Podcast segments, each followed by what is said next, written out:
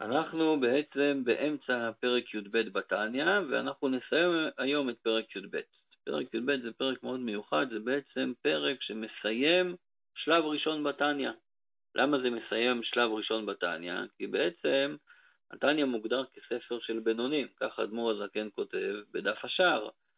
ובפרק הראשון הוא מעלה לנו הרבה שאלות שגורמות לנו להבין שההגדרות שהשתמשנו בהן עד היום לצדיק, רשע ובינוני הן לא הגדרות מדויקות, על כל פנים זה לא הגדרות לפי פנימיות העניינים, ואדמו"ר הזקן מתחיל להגדיר את ההגדרות האלה.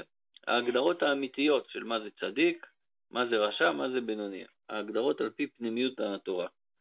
וכדי להגדיר את ההגדרות האלה, אז בפרקים הראשונים הוא דיבר על הנפש הבעמית, פרק ב' דיברנו על המהות שלה, שהנפש הבעמית היא חלק אלוקה ממעל ממש, פרק ג' דיברנו על הכוחות של הנפש האלוקית, פרק ב' גם על הנפש האלוקית התכוונתי, פרק ג' על הכוחות של הנפש האלוקית, החב"ד, חוכמה בינה דעת, שזה השכל, והחגת, חסד גבורה תפארת, שזה הרגש, ועוד הרגשות שיש אחרי.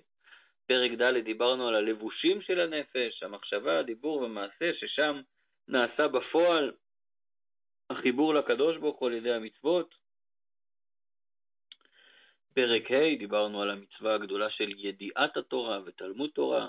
אחרי זה פרקים ו' ז' ח' עברנו לדבר על הנפש הבעמית, דיברנו גם כאן, זה לעומת זה עשה אלוקים, אז גם כאן דיברנו על הכוחות שלה, השכל, הרגש, הלבושים, איך זה באופן שונה מהנפש האלוקית, במה זה באופן שונה מהנפש האלוקית. דיברנו מה קורה שעוברים עבירה חס ושלום, איך להתייחס לענייני החולין בעולם.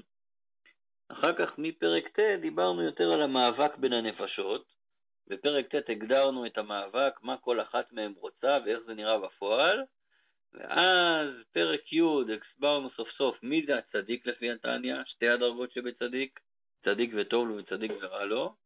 בפרק י"א דיברנו מי זה הרשע, רשע וטוב לו, רשע ורע לו, וכמו שאמרנו בשיעור הקודם, זה היה ההכנה, זאת הייתה ההכנה להבין מי זה הבינוני, כי הבינוני הוא בין הצדיק לרשע. אז אף על פי שעשינו על זה חזרה פעם שעברה, נחזור זה עוד פעם אחת בקצרה גם היום. הצדיק הוא זה שביער וגירש את הרע מקרבו, אין לו יצר הרע, זה יכול להיות בשני אופנים, באופן של צדיק וטוב לו, של צדיק ורע לו, לא ניכנס לזה. אבל אין לו כבר את היצר הרע, אין לו את המלחמה היומיומית הזאת, אין לו את הרצון הזה לעשות דברים שליליים, אין לו את הרצון לעשות דברים שהם נגד התורה. אנחנו יכולים קצת להזדהות עם זה, כי גם אנחנו, יש דברים שאנחנו לא רוצים אותם, לא רוצים לעשות אותם. בן אדם נורמלי לא רוצה לרצוח, לא מתכנן אה, לשדוד בנק, זה לא קיים אצלו, זה לא שהוא מתכנן והוא מתאפק, זה לא קיים אצלו בכלל בעולם המושגים שלו.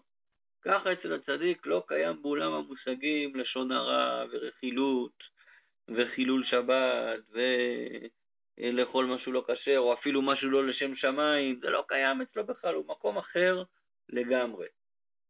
יש את ההבדל בין צדיק וטוב לו, צדיק ורע לו, זה אני לא נכנס לזה שוב.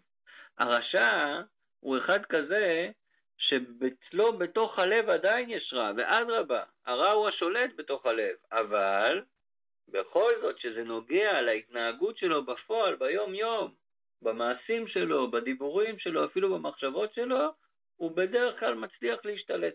אבל הדגש כאן על בדרך כלל, לא תמיד הוא מצליח להשתלט.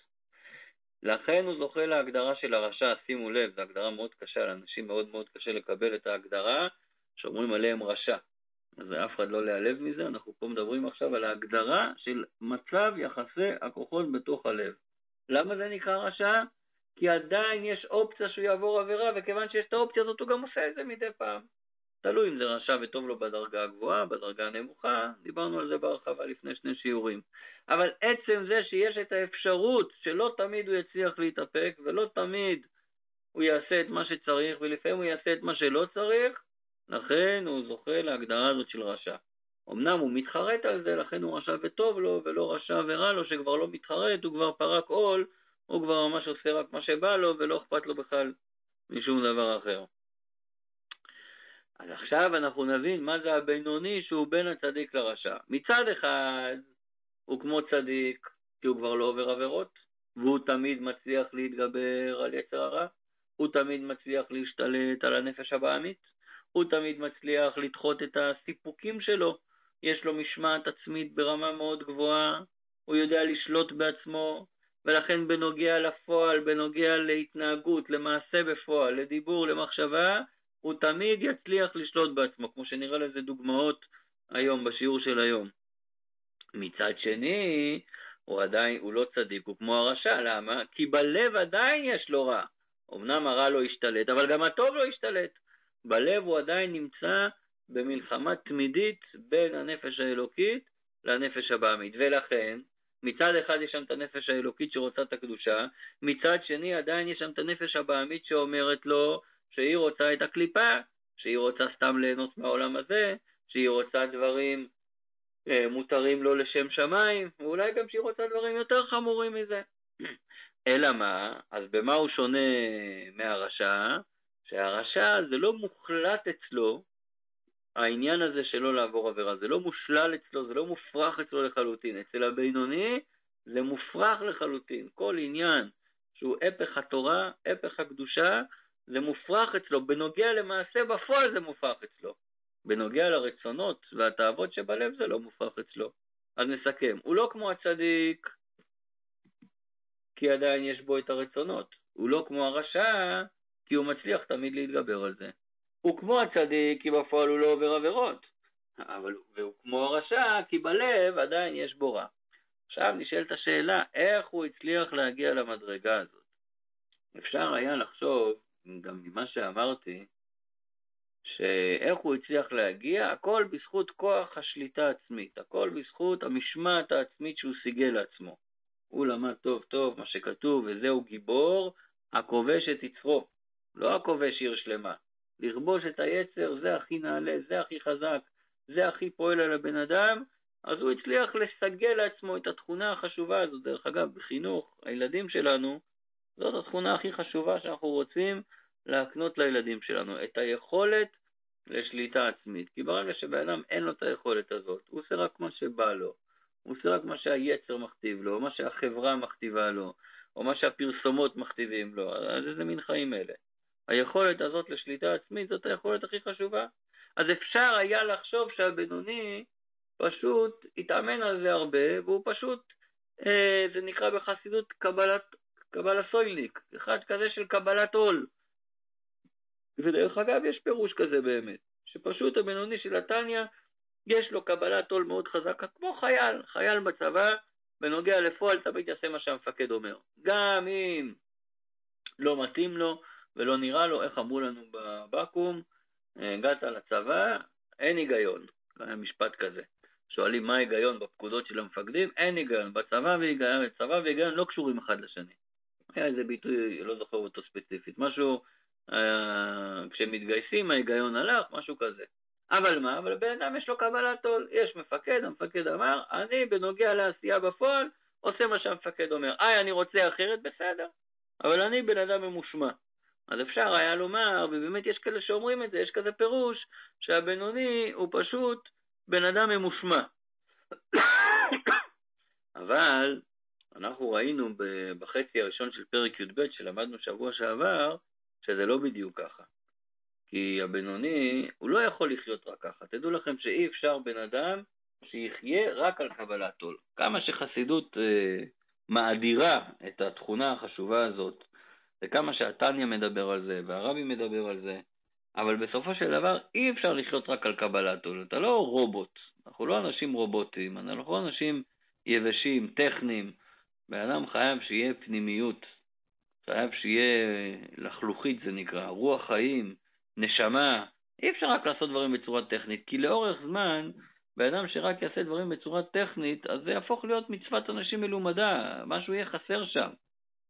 אתם יודעים מה, אולי הוא יעמוד בהכל ולא יעבור עבירות ויעשה מצוות וכולי, אבל זה יהיה יבש. זה יהיה יבש וזה יהיה, אני מחפש איזה מילה יותר מיבש. זה יהיה מצוות אנשים מלומדה, זה יהיה ריק, בסופו של דבר יהיה חסר פה את התוכן הפנימי.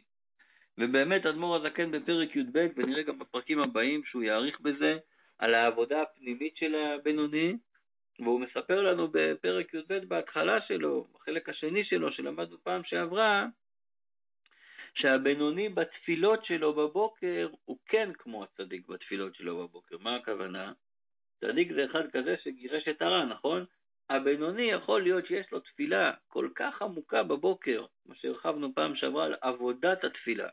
לא רק ניגש אה, לבית הכנסת כדי לבקש בקשות, הוא לא רק אה, מתפלל כדי לקבל מה שהוא רוצה, מתפלל מלשון תופל כלי חרס, בתפילה הוא תופל, הוא תופל כלי חרס הכוונה מדביק אותם, הוא נדבק בקדוש ברוך הוא בתפילה, הוא מרגיש כמה הקדוש ברוך הוא זה דבר גדול, דבר עוצמתי, הכי נעלה, הכי גדול שיש, אין סוף, אין סוף ברוך הוא, מתוך זה הוא בא לאהבת השם מאוד גדולה, ליראת השם מאוד גדולה, הוא ממש מצליח להיפטר מכל הרע שיש בו, כמו צדיק ורע לו בדרגה הראשונה, בזמן התפילה, וזה אגב קורה, למדנו בזכות זה שיש הערה, יש עת רצון מלמעלה, זה נקרא מוחין דגדלות בעולמות העליונים, וזה משפיע שגם למטה יהיה עת רצון, שבאמת הבן אדם יוכל לעשות את העבודה הזאת של ההתבוננות. אמרתי בשיעור הקודם שעכשיו אנחנו בהשגחה פרטית, אה, נגזר עלינו מלמעלה שלא נתפעל במניין, אה, קשה להבין את הגזרה הזאת וקשה לקבל אותה, מי שרגיל להתפעל במניין כל יום, זה ממש דבר שהוא כל כך חלק מהחיים שלנו, שזה פשוט דבר שנורא קשה לקבל אותו, אבל אה, מה לעשות, גם את זה צריך לקבל, ובאהבה, אין ברירה. אבל יש לנו פה צ'אנס מצד שני, שמתפללים בבית, יש פה כמה הזדמנויות. דבר ראשון, יש הזדמנות להראות לילדים דוגמה אישית, איך נראית תפילה, איך נראית הכנה לתפילה, איך נראית התפילה בפועל. יש ילדים שאף פעם לא ראו את אבא בכלל עם אה, טלית ותפילין, כי הם לא באים בבוקר לשחרית, אם זה נורא מוקדם, לא מגיעים לזה. אז דבר ראשון, שיראו איך אבא מתפלל כמו שצריך. דבר שני, יש לנו זמן, אין תירוצים, ואפשר להשקיע כל תפילה לפחות חמש דקות, ואפשר יותר לפני התפילה, להתכונן לתפילה כמו שצריך, אפשר לקרוא את הקטע הזה בתניא בעמוד 32, איך הבינוני מתפלל ואיך התפילה שלו זה בעצם, היא תפילה משמעותית, זה הדרגה שאפשר להגיע אליה גם אצלנו. היא תפילה משמעותית, זה לא לבוא ולקרוא טקסט, זה לא לבוא ולקרוא את המילים, זה לא לבוא ולסמן וי התפללתי, זה לבוא ולחשוב מה אני אומר, ולא רק מה אני אומר בפשט, מה אני אומר בפנימיות, בעומק, ובאמת באמת להרגיש קצת משהו מיוחד, קצת קשר לקדוש ברוך הוא, קצת להתרומם מעל היום-יום, קצת להתרומם מעל החומריות שאנחנו כל כך בתוכה, מעל הגשמיות. אלא מה? שאצל הצדיק זה כל היום ככה, אבל אצל הבינוני זה ככה רק בתפילה, וברגע שנגמרת התפילה, אז הוא חוזר להיות בינוני, הכוונה, הוא לא, הוא חוזר להרגיש את הרע שבתוך הלב, ויכול להיות שעוד פעם יהיה לו תאוות בלב, ועוד פעם יהיה לו רצונות שליליים. אז בזכות מה הוא עכשיו מצליח להתגבר על זה? זה הקטע שעצרנו בו פעם שעברה. זאת אומרת, קראנו את זה, אבל אמרתי שנחזור עליו שוב, כי קראנו אותו קצת מהר. אז תפתחו בדף י"ז, בעמוד א', או שתסתכלו בעמוד 32, יש יותר קל עם מספרים במספרים רגילים. עמוד 32 זה ההתחלה של פרק י"ב, ובצד שמאל שלו כתוב דף י"ז, ואנחנו בשורה השנייה. בזכות מה הוא מצליח להתגבר על התאוות? כי המוח שליט על הלב, כמו שכתוב בראיה מהמנה, זה חלק בזוהר פרשת פנחס. שם כתוב שהמוח שליט על הלב בתולדתו, בת... בתולדתו וטבע יצירתו, זה דבר הכי טבעי לבן אדם, שהמוח שולט על הלב. תכף אנחנו נסביר מה הכוונה שהמוח שולט על הלב, אבל זה דבר טבעי שקורה אצל הבן אדם. כי המוח שליט על הלב בתולדתו וטבע יצירתו, ככה הקדוש ברוך הוא ברא אותנו, שכך נוצר האדם בתולדתו, שכל אדם יכול ברצונו שבמוחו, תכף נסביר מה זה ברצונו שבמוחו, להתאפק ולמשול ברוח תאוותו שבליבו, שמה? שלא למלות משאלות ליבו במעשה דיבור ומחשבה. עכשיו צריך להסביר פה נקודה מאוד עקרונית. כשאומרים מוח שליט על הלב, יש לזה שני, שתי משמעויות. שני פירושים שונים. פירוש אחד זה מה שדיברנו פעם שעברה בזמן התפילה, מוח שליט על הלב, דהיינו, שמתוך ההתבוננות, מתוך השכל, אפשר ממש לייצר רגש. כשבן מתבונן, שהקדוש ברוך הוא נמצא איתו ואוהב אותו, אז מתוך ההתבוננות הוא ירגיש אהבה חזרה לקדוש ברוך הוא. פירוש שני במוח שליט על הלב, זה לא שהמוח משנה את המידות שבלב, שימו לב, זה פירוש קצת אחר.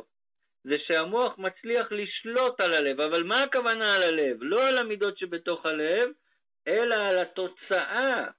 זאת אומרת, מוח שליט על הלב זה שליטה בזה שהמוח לא, סליחה, שהלב לא יוכל להוציא את התאוות לידי פועל. זה הכוונה מוח הלב לפי הפירוש השני.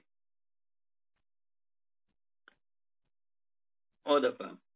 פירוש הראשון במוח שליט על הלב זה שאני מתבונן במשהו ומתוך ההתבוננות מגיע לרגשות.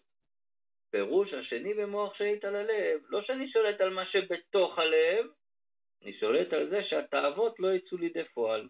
זאת אומרת, לפי הפירוש הראשון, בן אדם יכול להפוך את התאוות שלו לגמרי. כמו שלמדנו, אם אתם זוכרים בפרקים הראשונים, את הגאווה יהפוך לגאווה יהודית, את הכעס לכעס של קדושה, כל מה שדיברנו אז. פירוש שני, המוח, הבן אדם לא נמצא בדרגה כזאת שהוא מסוגל להפוך את התאוות לגמרי. מה הוא כן מסוגל? הוא מסוגל למנוע מהתאוות האלה להתבטא בפועל במעשה, דיבור ומחשבה. להתבטא בפועל בלבושים. אז פירוש ראשון, מוח שליט על הלב, זה על הפנימיות של הלב. פירוש שני, מוח שליט על הלב, זה על מה שיוצא מהלב החוצה. ולכן גם שימו לב שפה כתוב, אמרתי שנדייק את המילה הזאת, שכל אדם יכול ברצונו שבמוחו. בנוגע לשינוי המידות בפנימיות, לא כתוב רצונו שבמוחו, לא קשור לרצון, שם זה קשור להתבוננות. כאן זה קשור לרצונו שבמוחו, פה הכוונה שבן אדם, מה הכוח פה? פה זה הכוח של ההחלטה. פה זה הכוח של ההחלטה החזקה שאני לא נותן לתאוות להתבטא. כשבן אדם מקבל את ההחלטה הזאת, אז באמת הוא לא יבטא את התאוות שלהם ולא את התאוות שלו ולא יעשה מה שבא לו. והטבע הזה, שבן אדם בכוח ההחלטה מסוגל להתגבר ולא לתת לתאוות השליליות להתבטא ביום-יום, הטבע הזה, התכונה הזאת היא טבעית, וככה אנחנו נולדנו.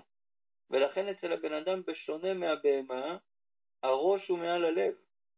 למה? כי בטבע האדם הראש שולט על הלב. בטבע האדם, רצונו שבמוחו, כוח ההחלטה הזאת, שולט בעשייה בפועל. אני זוכר שבתקופה שטיילתי בהודו והתחלתי להתקרב לחב"ד, והתחלתי קצת להציץ ולהיכנס לתוך הבתי חב"ד, הציץ ונפגע כמו שנאמר, אז uh, באותה תקופה הגעתי לאיזה בית חב"ד בערב שבת, והיה בדיוק פרשת כי תצא, היה בהרי ההימאליה. לא רציתי אז להיכנס לבית חב"ד, אבל יצא, התגלגל כאן, לא אספר את כל הסיפור, התגלגל שנכנסתי, ובדיוק כשנכנסתי, אז הרב שם, שהיה בחור מאוד צעיר, אה, בחור שהגיע מהישיבה כדי לנהל שם את הבית חב"ד, בדיוק הוא סיפר סיפור קצר. לא סיפור, אמר דבר תורה מהרבי. מה היה הדבר תורה? היה אז פרשת כי תצא. פרשת כי תצא מתחילה בפסוק כי תצא למלחמה על אויביך. וכולם ישר שואלים, מה זאת אומרת על אויביך? כשאתה יוצא למלחמה אתה לא על האויב שלך. אתה מול האויב, אתה נגד האויב, מה הכוונה על אויביך? והוא אמר אה, וורט, דבר תורה מהרבי, ש... למה אתה מול האויב ולא על האויב? כל עוד שבן אדם נמצא בהססנות ולא החליט לצאת למלחמה, באמת הוא לא מעל האויב שלו. אבל ברגע שהוא החליט שהוא עכשיו נלחם, עצם ההחלטה כבר שמה אותו מעל האויב. ואז הוא הסביר את זה בנפש האדם, ככה הרב מסביר בשיחה, שבן אדם, זה שבן אדם קשה לו להתגבר על הנפש הבעמית, קשה לו להתגבר על היצר הרע, זה בגלל שהוא לא החליט עדיין אם הוא רוצה לעשות את זה או לא. אבל ברגע שהוא מחליט, אוטומטית הוא כבר מעל הנפש הבעמית שלו. אני זוכר שאז מאוד אה, נהניתי מזה, כי גם כן התעסקתי אז בתקופה איך לצאת מהרגלים, והפסקתי לעשן סיגריות, כל מיני דברים כאלה, ובאמת אני הרגשתי שזה נכון, שהכל תלוי בהחלטה שלך. אם אתה מחליט לשנות איזה הרגל, אם אתה מחליט לעשות משהו חדש בחיים, הכל תלוי בהחלטה. אם ההחלטה מספיק חזקה, אז אתה תצליח. כמו שרואים במוחש, שאנשים שקשה להם לקום בבוקר, אבל אם הם צריכים לקום יום אחד בחמש בבוקר כדי להגיע בזמן לטיסה, אז אתה רואה שהם כן קמים בזמן. למה? כי פה הם חייבים, ופה הם רוצים, ופה הם מחליטים שמחר אני אקום בבוקר. דרך אגב, זה דבר שאפשר לנסות אותו, שאתה מחליט מראש, מחר אני הולך לקום, מחר אני הולך לקום כמו שצריך, אני הולך לקום במודה אני מכל הלב, ולקפוץ מהמיטה ולעשות כל מה שצריך, אז אתה רואה שהקימה היא אחרת לגמרי. פה הוא מדבר על כוח ההחלטה הזאת, וכוח ההחלטה הזאת קיים באופן טבעי אצל כל אחד ואחד מאיתנו. ממשיך ואומר, אני קורא עכשיו בפנים, אז מה זה הטבע הזה שיש לנו שלא למלות משאלות ליבו במעשה דיבור ומחשבה? ומה הוא יכול לעשות? הוא להסיח דעתו לגמרי מתאוות ליבו, אלא ההפך לגמרי. אפילו שהלב אומר לו בוא תחשוב על כל מיני דברים שאני רוצה להשיג את זה ורוצה להשיג את זה ורוצה, לה... דברים שליליים אני מדבר. כל מיני תאוות, הוא יכול להסיח את הדעת לחשוב על דברים אחרים לגמרי. זה דרך אגב אה, כלי לכל אחד מאיתנו. יש לנו עכשיו מחשבות שליליות, לא יודע מה עכשיו, בן אדם חושב שלילי, מה יהיה, ולאן נגיע, ואיך יהיה כסף, ו... או כל מיני מחשבות שליליות שהוא רוצה לעשות כל מיני דברים שהם אסורים ודברים שהם לא שייכים, ואומרים לו, תסיח את הדעת, תחשוב על משהו אחר עכשיו. תחשוב, אני יודע מה, על הביזנס שלך, תחשוב על העבודה שלך, תחשוב על דברים אחרים. כל אחד יכול להסיח דעתו פשוט בזה שיתחיל לחשוב על דברים אחרים. תעבור חדר, תסתכל על הנוף, אני לא יודע מה, תסתכל באיזה ספר, אתה יכול להסיח את הדעת, והכוח הזה יש לכל אחד. עכשיו הוא אומר יותר מזה, ובפרט אל צד הקדושה. יותר מזה הוא יכול להסיח דעתו לגמרי אל צד הקדושה. למה? כי בצד הקדושה יש תכונה מאוד מאוד מיוחדת, שאין בדברים רגילים, שנותנת לנו עוד יותר כוח להסיח את הדעת.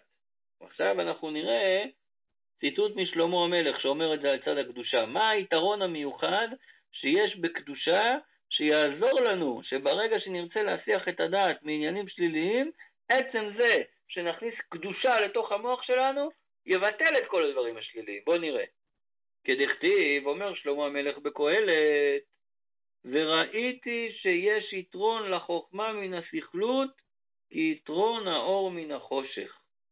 אומר שלמה המלך, החכם מכל אדם, חוכמה וסכלות כאן זה הולך על קדושה וקליפה, והוא אומר שיש יתרון לקדושה, לחוכמה, על הסכלות כמו היתרון של האור מן החושך. לכאורה, מה השאלה? נו, מה, מה, לא ידענו לפני זה שהחוכמה יותר טובה מהסכלות? שהקדושה יותר מהקליפה? מה הוסיף לנו בזה שהוא אמר שיש יתרון לחוכמה מן הסכלות כיתרון האור מן החושך? מה זה בא להוסיף? אלא, ומכאן מצטטים הרבה את המשפטים הידועים בנוגע ליתרון האור מן החושך. אומר אדמו"ר הזקן, פירוש, שני יתרונות יש שיש באור על החושך.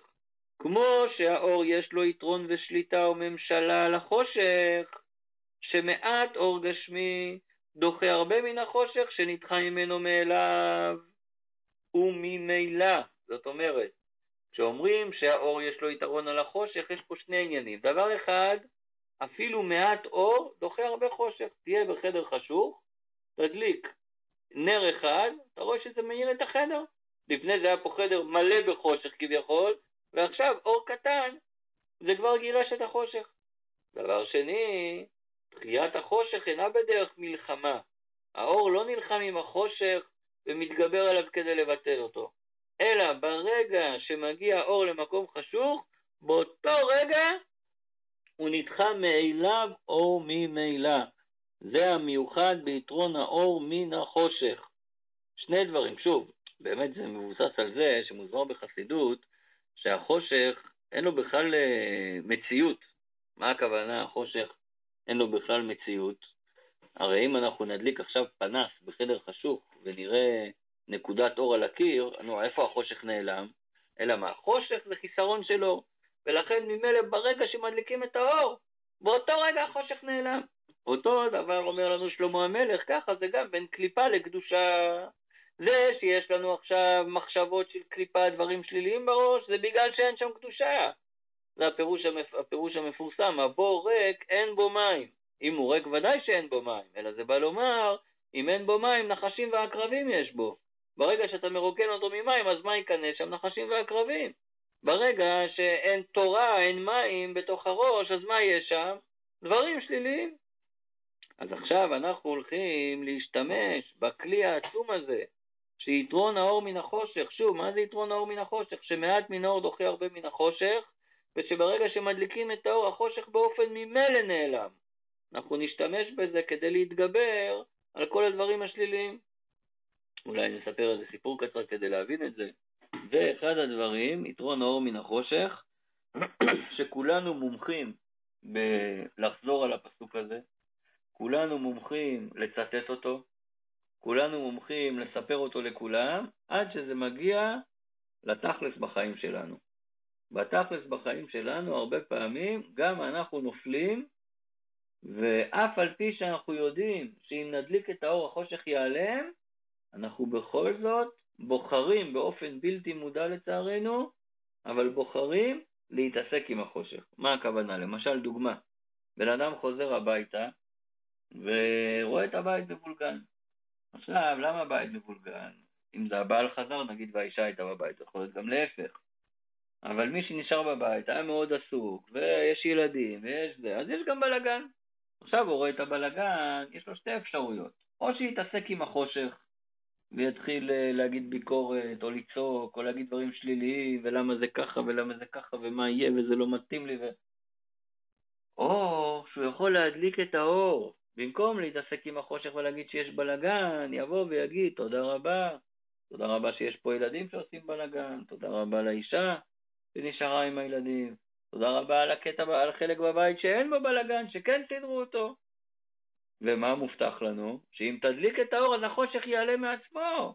כי כשהבית, כשהבעל ייכנס לבית או האישה וייתנו הרבה מחמאות ופרגונים ויודו, אז ממילא כבר כולם יעזרו עכשיו לסדר את הבלגן ואפשר לגמור את זה בכמה דקות. אבל אנחנו לצערנו הרבה פעמים בוחרים להתעסק עם החושך במקום להדליק את האור. בא האדמו"ר הזקן, בא שלמה המלך ואומר לנו, אל תתעסק עם החושך במקרה הזה, תדליק את האור ואתה תראה שאתה יכול בקלות לגרש את השליליות מתוך הלב שלך. קודם כל, כמו שאמרנו קודם, תסיח את הדעת, ובפרט אל צד הקדושה. קח ספר טניה, תתחיל לקרוא, אם אתה יודע פרק תהילים בעל פה, או משניות, או טניה בעל פה, תתחיל להגיד את האותיות האלה. איך אומרים, אם פגע בך מנומל זה, מושכהו לבית המדרש, אם אתה יכול, כנס לבית המדרש, תלמד תורה. כל אחד עם מה שהוא יכול לעשות, אבל להכניס קדושה, ברגע שמכניסים קדושה לראש, אז ממילא זה דוחה את הצד השלילי. בואו נראה את זה בפנים במילים של אדמו"ר הזקן. כך נדחה ממילא סכלות הרבה של הקליפה וסטרא אחא שבחלל השמאלי, כמאמר רבותינו זיכרונם לברכה, אלא אם כן נכנס בו רוח שטות, כן, זה הצד השמאלי כרגע. ממה זה נדחה? מפני החוכמה שבנפש האלוקית שבמוח. זאת אומרת, רוצים, אז אמרנו פה שני עניינים, אחד שזה נדחה ממילא, ואחד שקצת קדושה תדחה הרבה קליפה. ממשיך ואומר, אשר רצונה של, של מי? של החוכמה שבמוח, של הנפש האלוקית, אשר רצונה למשול לבדה בעיר ולהתלבש בשלושה לבושי הנ"ל הנזכרים לאל, בכל הגוף כולו כנזכר לאל, שכמו שאמרנו, שהם רוצים להתלבש, הם מחשבה, דיבור ומעשה של תרי"ג מצוות התורה, של תרי"ג מצוות התורה כנזכר לאל. או, אז אם הוא ככה הצליח לגרש על ידי מעט מהקדושה, הוא דחה הרבה מהקליפה, והצליח לגרש את הרע שבלב, אז למה הוא לא צדיק? אומר אדמו"ר הזקן, רגע, רגע, אבל זה לא עד הסוף. ואף על פי כן אינו נקרא צדיק כלל, למה הוא לא נקרא צדיק כלל?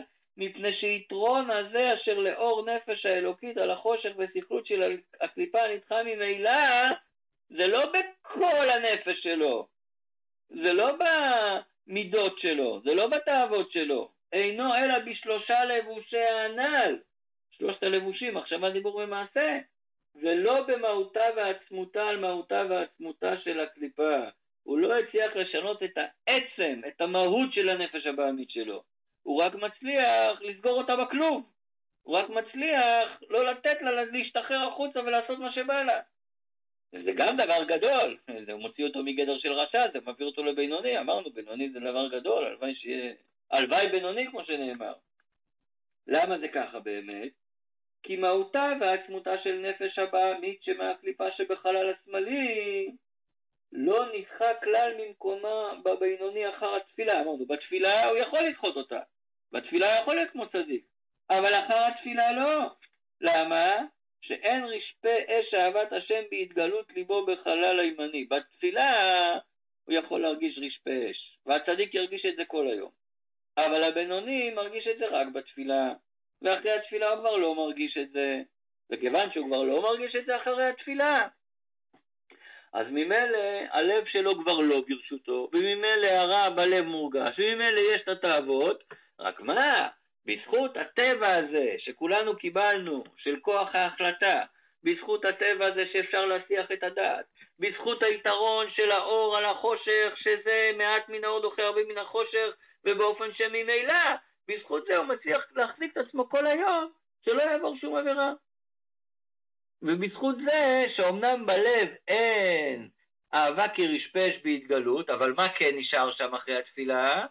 אני קורא בפנים, כי אם תוכו רצוף אהבה מסותרת, שהיא האהבה הטבעית שבנפש האלוקית, כמו שהתבהר לקמן, נלמד את זה בפרק י"ט, שזה נלמד שם על האהבה הטבעית שיש. זאת אומרת, אהבה שהבינוני יכול לחוות ולהרגיש בתפילה, אהבה כרשפש, שבאה מהתבוננות, זה מה שנקרא אהבה שכלית בתניא. אחרי התפילה, מה שנשאר לו, הרשימו, הרושם שנשאר לו מהתפילה, זה בעצם האהבה המסותרת הזאת שנמצאת אצלו בלב. ואזי בזכות זה, יכול, סליחה, וכיוון ש...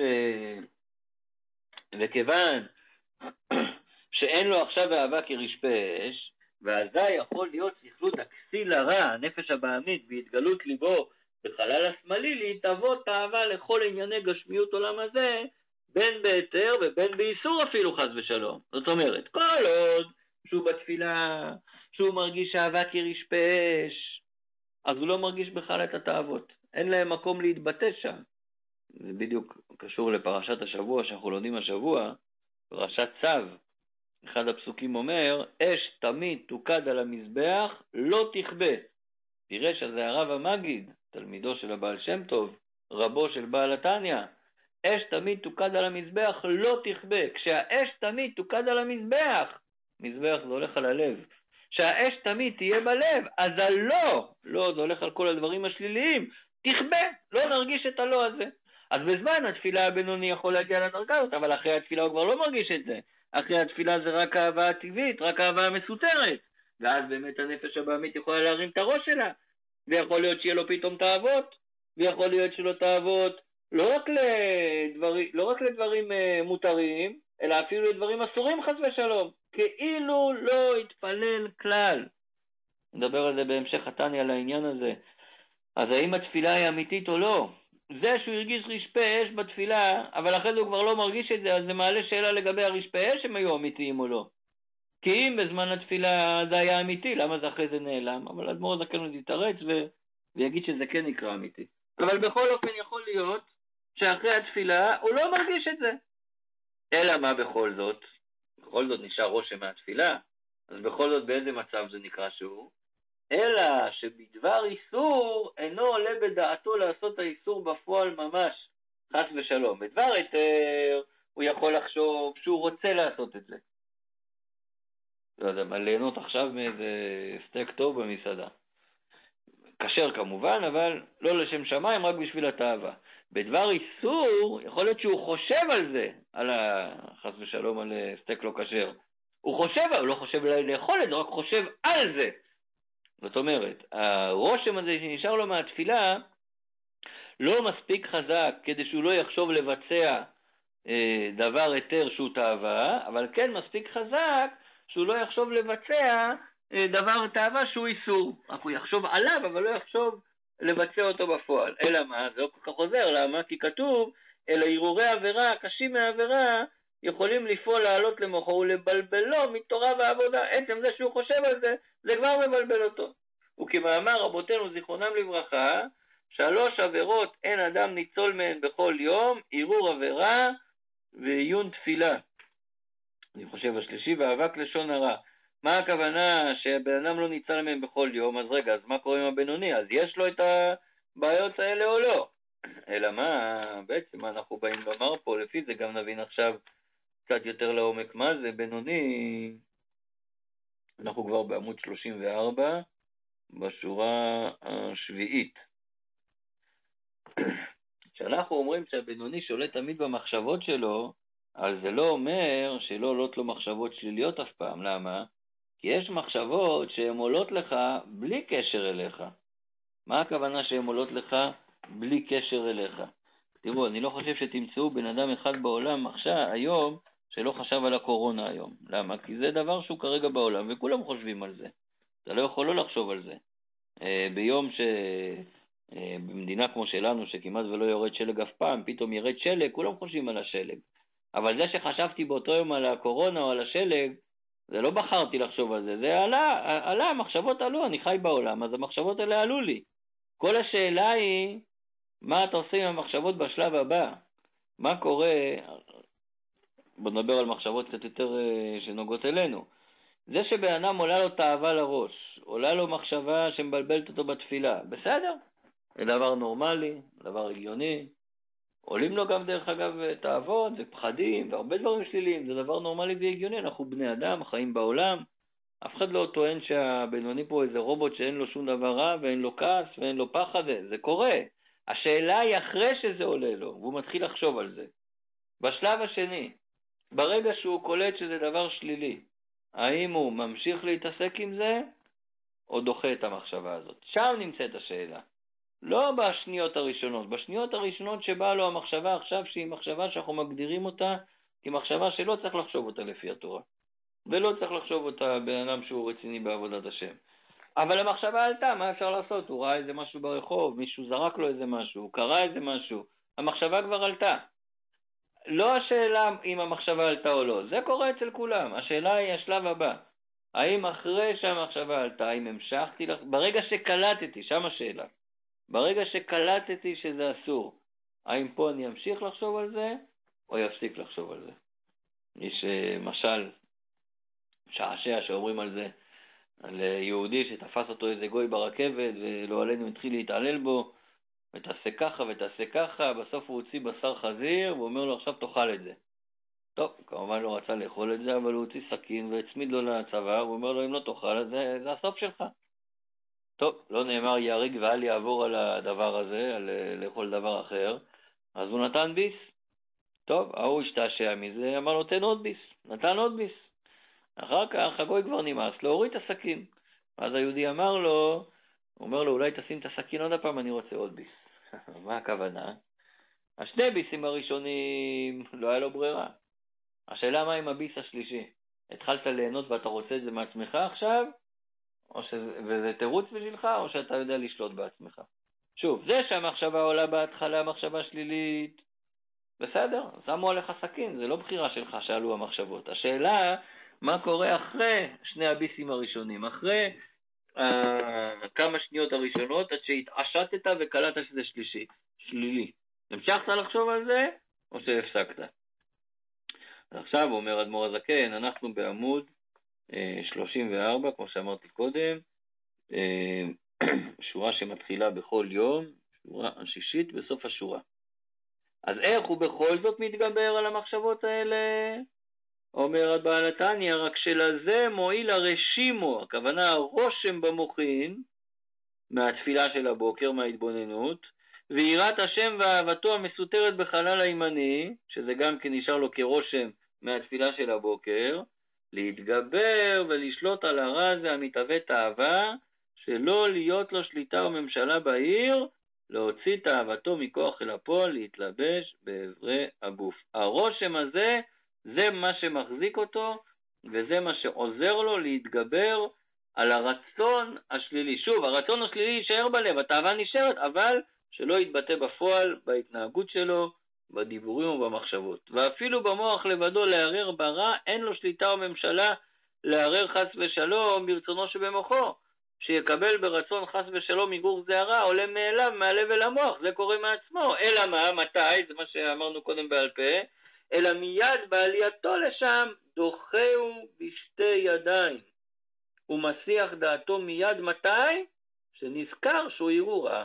עד שהוא לא נזכר שזה הרהורה, בסדר, זה קורה, זה לגיטימי, זה הגיוני, זה טבעי, אין מה לעשות, לא צריך להתבאס מזה, ככה החיים, ככה אנחנו, אבל ברגע שקלטת את זה, אז השאלה מה אתה עושה את זה.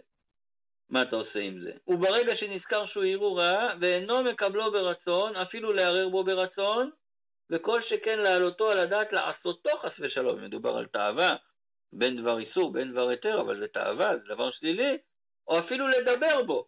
לא יעשה אותו ולא ידבר בו. למה? מה כל כך רע שהוא יחשוב על זה קצת? כי המערער ברצון נקרא רשע באותה שעה. ככה למדנו בפרק י"א, באותה שעה שהוא מערער על זה וחושב על זה וחושב לעשות את זה, הוא נקרא רשע. והבינוני אינו רשע אפילו שעה אחת לעולם. הבינוני אף פעם אין עליו שם רשע. אף פעם הוא לא נקרא רשע, כי תמיד הוא מצליח לשלוט. אז זה שעלה לו מחשבה בהתחלה, אמרנו, זה לא הכניס אותו עדיין לגדר רשע, כי הוא עוד לא קלט את זה ועוד לא עבר השניות הראשונות. אבל ברגע שעברו השניות הראשונות, וכיוון שהבינוני לא בגדר רשע, אז ממילא הבינוני אחד כזה שישר מצליח לדחות את זה בשתי ידיים. עד עכשיו דיברנו בעיקר על עניינים שבין אדם למקום, בין אדם לקדוש ברוך הוא. אה, מחשבות זרות ותאוות, עכשיו אומר אדמו"ר הזקן, אבל זה גם בין אדם לחברו, וכן בדברים שבין אדם לחברו. בואו נראה אה, מה דעתכם, מה יותר קשה? יותר קשה לשלוט בתאוות השליליות של בין אדם למקום או של בין אדם לחברו. בואו נראה עכשיו מה אדמו"ר הזקן מציב לנו, איזה אתגר, איזה דרישה, איזה קושי שהוא מציב לנו בנוגע לדברים שבין אדם לחברו, ונראה איך שמה, אולי שם נמצאת העבודה הקשה באמת. בואו נראה.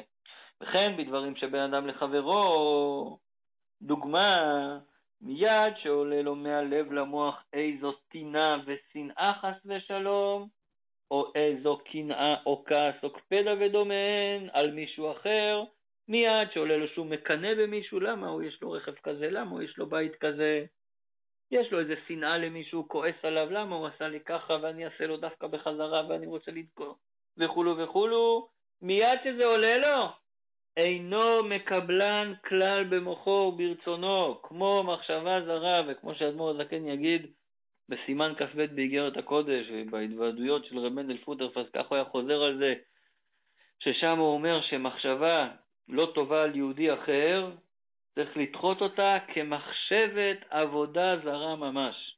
כמו שאם בן אדם הייתה לו באה מחשבה, הייתה באה לו מחשבה, אולי אני אלך לכנסייה להשתחוות שם לפסל, אולי אני אלך לאיזה אה, אה, איך זה נקרא? איזה בית טומאה להשתחוות שם לפסל לעבודה זרה. בן אדם יעלה לו מחשבה כזאת, ישר הוא יגיד, אוי, חס ושלום לחשוב דברים כאלה. ישר יגרש את זה מהמוח, מה פתאום, יש רק אלוקים אחד. אומר אדמו"ר הזקן, אותו דבר אתה צריך לגרש כל מחשבה שלילית על יהודי אחר. בוא נתחיל מתוך הבית, על הבעל, על האישה, על הילדים, לגרש את המחשבות האלה מיד.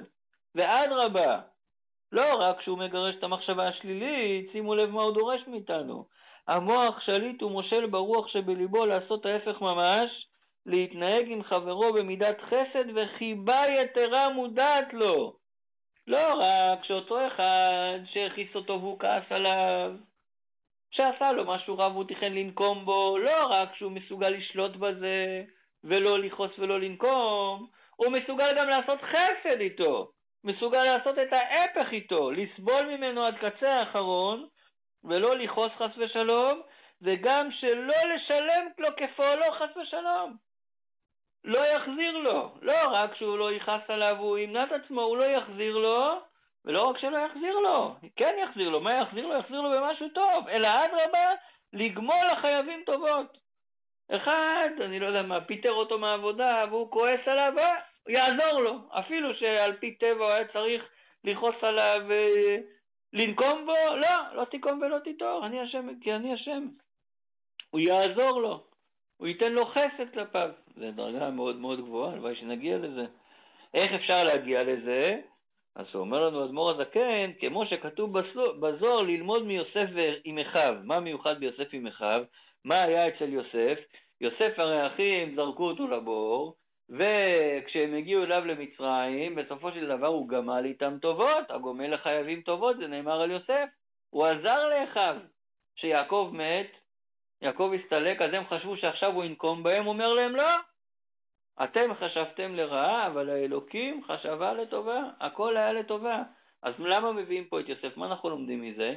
שמה הדרך של הבן אדם שיוכל באמת לגמול לחייבים טובות, יוכל להחזיר טובה תחת רעה, שיתבונן במה שהיה עם יוסף. כי מה עזר ליוסף לעשות את זה? מה היה הרציונל מאחורי זה שיוסף עזר לאחים שלו אף על פי שלא הגיע להם? כי הוא זכר שהכל מהקדוש ברוך הוא. הוא זכר שהכל בהשגחה פרטית, והוא זכר שיש בעל הבית לעולם. ומי שמנהל את העולם זה הקדוש ברוך הוא. וגם אם מישהו הזיק לך, תדע שמלמעלה כנראה היית צריך שיזיקו לך, וזה רק עבר דרך הבן אדם הזה. אז כמובן, מגיע לו את העונש, תיקח אותו לבית דין, אבל אין לך כעס עליו, כי אתה יודע שהכל מלמעלה והכל מהקדוש ברוך הוא. והידיעה הזאת יכולה לעזור לבן אדם, שאף על פי שמצד הטבע שלו הוא רוצה לעשות לאותו אחד משהו שלילי, אבל שימו לב, מה למדנו? כוח ההחלטה, המוח שאית על הלב, ההתבוננות בהשגחה פרטית. עם כל זה הוא יצליח גם למנוע את עצמו מלעשות לו משהו לא טוב, ואדרבה, לגמול לחייבים טובות, לגמור לו חסד. בזה סיימנו את פרק י"ב, ובעצם אני מקווה שהבנו מי זה הבינוני הזה, וגם קיבלנו קצת כלים אה, במסגרת זה שאנחנו רואים הלוואי בינוני ורוצים להתקרב לשם, אז גם קיבלנו קצת כלים איך באמת להתקרב. הפרקים הבאים נמשיך לדבר על הבינוני עד סוף פרק, כל הפרק, כל הספר נדבר על הבינוני, אבל נמשיך קצת בהגדרה של בינוני בפרק י"ג, ובעוד כלים איך אה, להתגבר כל פעם קצת על הנפש הבעמית בפרקים י"ד, ט"ו, ט"ז, י"ז. זה הפרקים הבאים שנלמד על הבינוני. בעזרת השם שנחזור במהרה כבר לשיעורים, שנהיה פנים אל פנים. אני אשחרר את ה... רגע.